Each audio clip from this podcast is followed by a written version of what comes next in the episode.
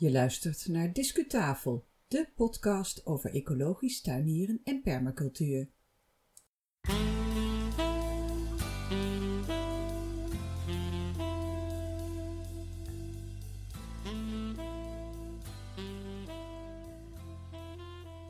Ja, hoi!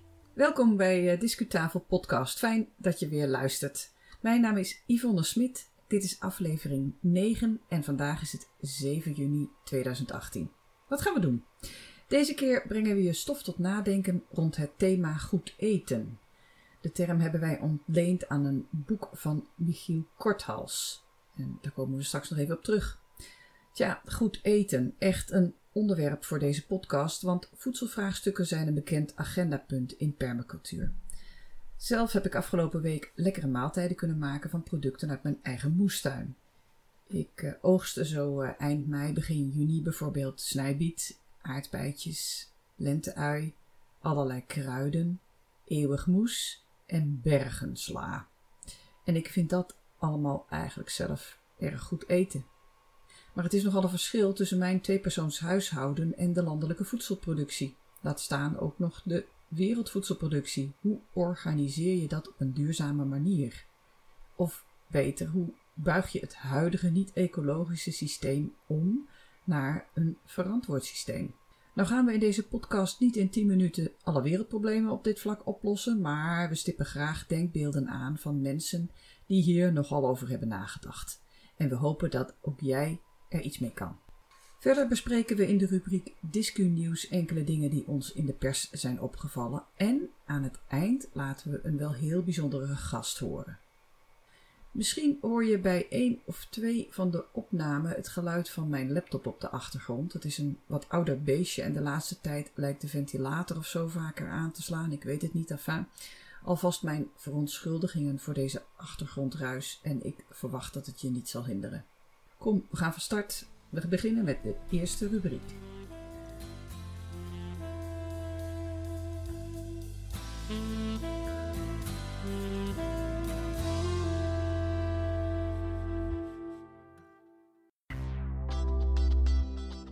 Discukennis.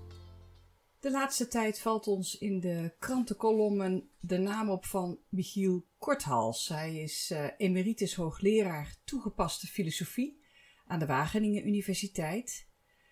En zijn gedachtegoed vinden wij erg interessant en dat willen we dan ook graag met je delen. Deze discutkennis gaat over goed eten volgens Michiel Korthals. Aanleiding voor de recente publiciteit is de publicatie afgelopen april van het eh, boek van Korthals en dat heeft als titel Goed eten, filosofie van voeding en landbouw.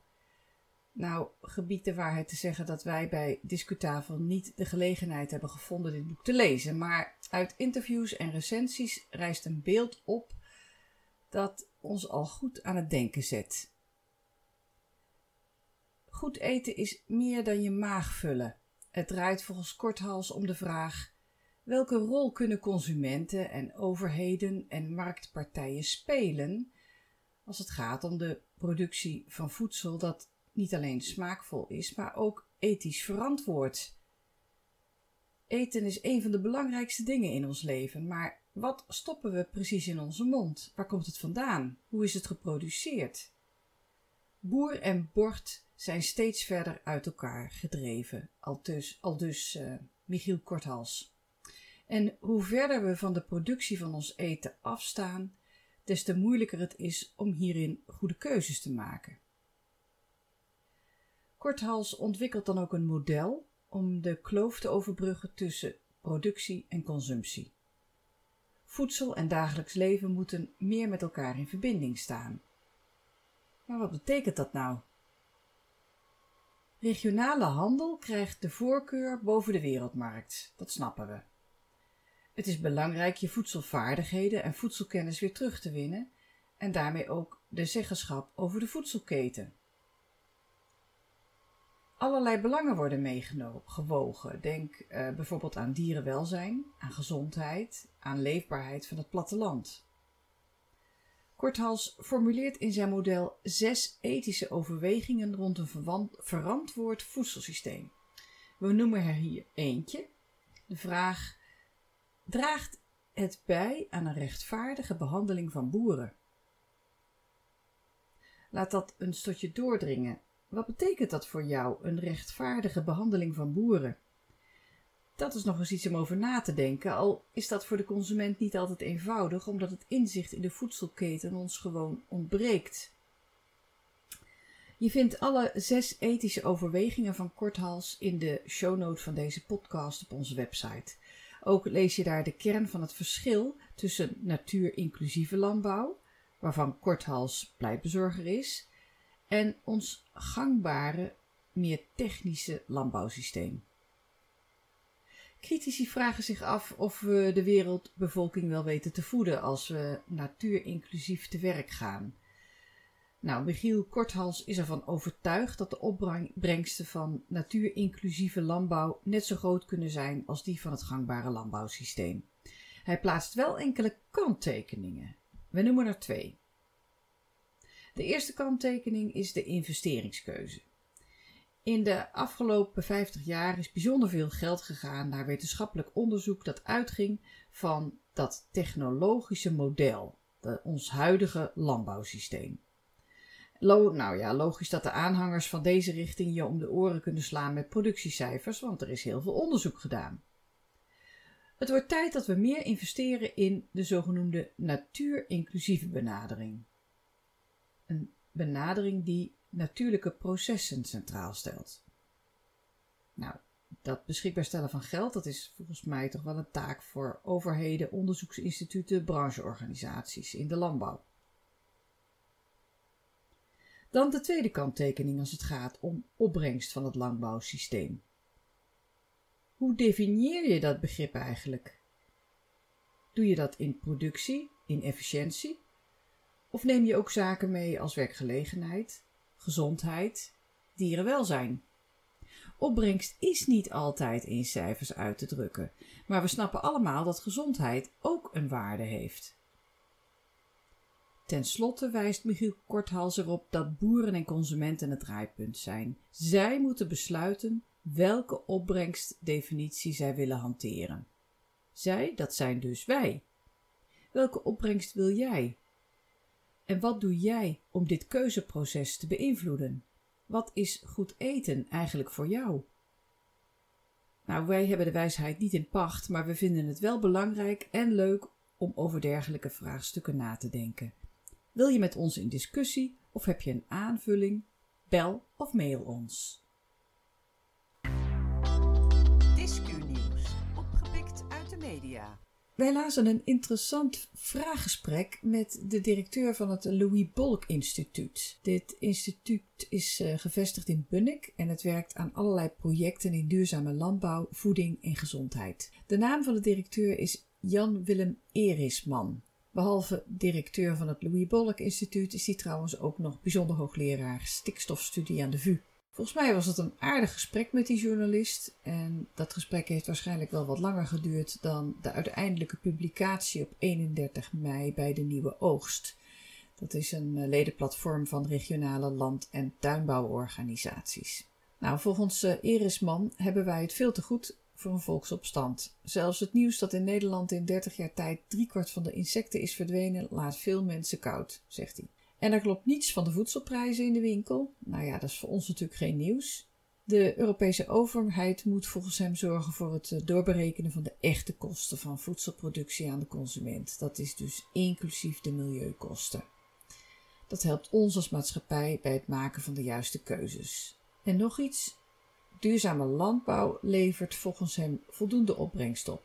Want nu is er immers sprake van een overschot we hebben een eh, overproductie. En aan de andere kant ook van voedselverspilling. Erisman die voerde ook het woord op het symposium Natuurinclusieve Landbouw Brabant begin april. En hij ging daaronder meer in op verdienmodellen voor de landbouw en de noodzaak van diversiteit in de voedselproductie. Genoemd symposium vond begin april plaats, zoals ik zei. En uh, we zetten een link in de show note van deze podcast naar meer informatie over het symposium. En naar het eerder besproken vraaggesprek met Erisman. En het lijkt me een interessante manier om te blijven volgen. Dan iets anders voor Discu Nieuws en dat gaat over een activiteit in de omgeving van Eindhoven. Iedere week weer zijn er activiteiten in stad en platteland die te maken hebben met een ecologisch verantwoorde levensstijl. En wij vinden de organisatie en het aanbod van deze activiteiten op zijn zachtst gezegd wat wisselend van kwaliteit. Maar tegelijkertijd kan zo'n plek een prima trefpunt zijn voor mensen die wat andere keuzes maken dan de gangbare. Nou, mocht je er geregeld eh, in de omgeving van Eindhoven komen, dan kan je op de laatste zondag van juni in Bergijk weer terecht bij de jaarlijkse Eco-Natuurmarkt. Op deze markt presenteren allerlei bedrijven hun natuurvriendelijke producten. En dat gaat van vegetarische hapjes en drankjes tot biologische plantjes. Ik besef terwijl ik dit vertel dat ik het uh, met verkleinwoorden doe en ik weet eigenlijk niet waarom. We beginnen overnieuw. Dat gaat van vegetarisch eten en drinken tot biologische planten. Kijk, dat klinkt toch alweer anders. De Wereldwinkel Valkenswaard is aanwezig en ook de vereniging Kempen Energie. Die geven energieadvies. En wat dacht je van de Tiny House Community? Dat zijn de toekomstige bewoners van een tiny house en zij presenteren daar hun project op die markt. Het lijkt mij zelf een van de leukste onderwerpen die dag. Wij zijn nog niet eerder op de Eco-Natuurmarkt geweest, maar wie weet komt het er deze keer van. De markt vindt plaats op zondag 24 juni, smiddags van 2 tot 5 in Bergijk en de entree is 2 euro. En dan tot slot. Afgelopen weekend organiseerden Veld België en Nederland weer hun eco-tuindagen. Marlies van Discutafel die heeft kans gezien twee van deze tuinen te bezoeken en wij hopen binnenkort een impressie te publiceren op onze website. Discuslot. Tot zover deze negende aflevering van de Discutafel podcast, een initiatief van Yvonne Smit. En waar zou ik zijn zonder de inhoudelijke bijdrage van die andere vaste redacteur Marlies Notermans. Vandaag hebben we vooral aandacht besteed aan goed eten. Ga naar onze website discutafel.nl voor de shownote met links en andere informatie over de besproken onderwerpen. Als je je via de site aanmeldt, dan ontvang je een berichtje bij elke nieuwe aflevering. Binnenkort publiceren we Discutafel op online platforms. Dat is nog gemakkelijker en daarover later meer. Bedankt voor het luisteren. Wat vond je ervan vandaag? Heb je vragen of tips voor onderwerpen? Laat het weten via Twitter of e-mail. De volgende podcast kan je beluisteren vanaf 21 juni. Zelf vertrek ik binnenkort naar Birmingham om een tuinevenement te bezoeken, namelijk Gardeners World Live. Misschien ben je een vaste kijker van BBC Gardeners World dan weet je dat hoofdpresentator Monty Don eco-vriendelijk tuiniert. Dit jaar heeft hij een project lopen om het gebruik van plastic in zijn tuin fors te reduceren. Ik ga op deze tuinshow op zoek naar meer ideeën voor natuurvriendelijk tuinieren. En ik hoop één of twee Britse podcastmakers te ontmoeten. Heb je een vraag? Wil je dat ik ergens op let daar bij Gardens World Live? Stuur een berichtje naar yvonne.smit.discutafel.nl dat is Yvonne met een i. Kijk voor de zekerheid over de spelling eventueel even op de site. Ik neem graag je vraag mee naar Birmingham en wie weet kom ik terug met een antwoord. Doe het meteen even, in ieder geval voor 13 juni. Nou had ik je nog een bijzondere gast beloofd. Ik laat je tot slot even alleen met deze gast, waarvan ik vorige week een opname wist te maken. Wie het is, het antwoord staat in de show notes. Graag tot de volgende podcast. Ga intussen lekker naar buiten en tot de volgende keer.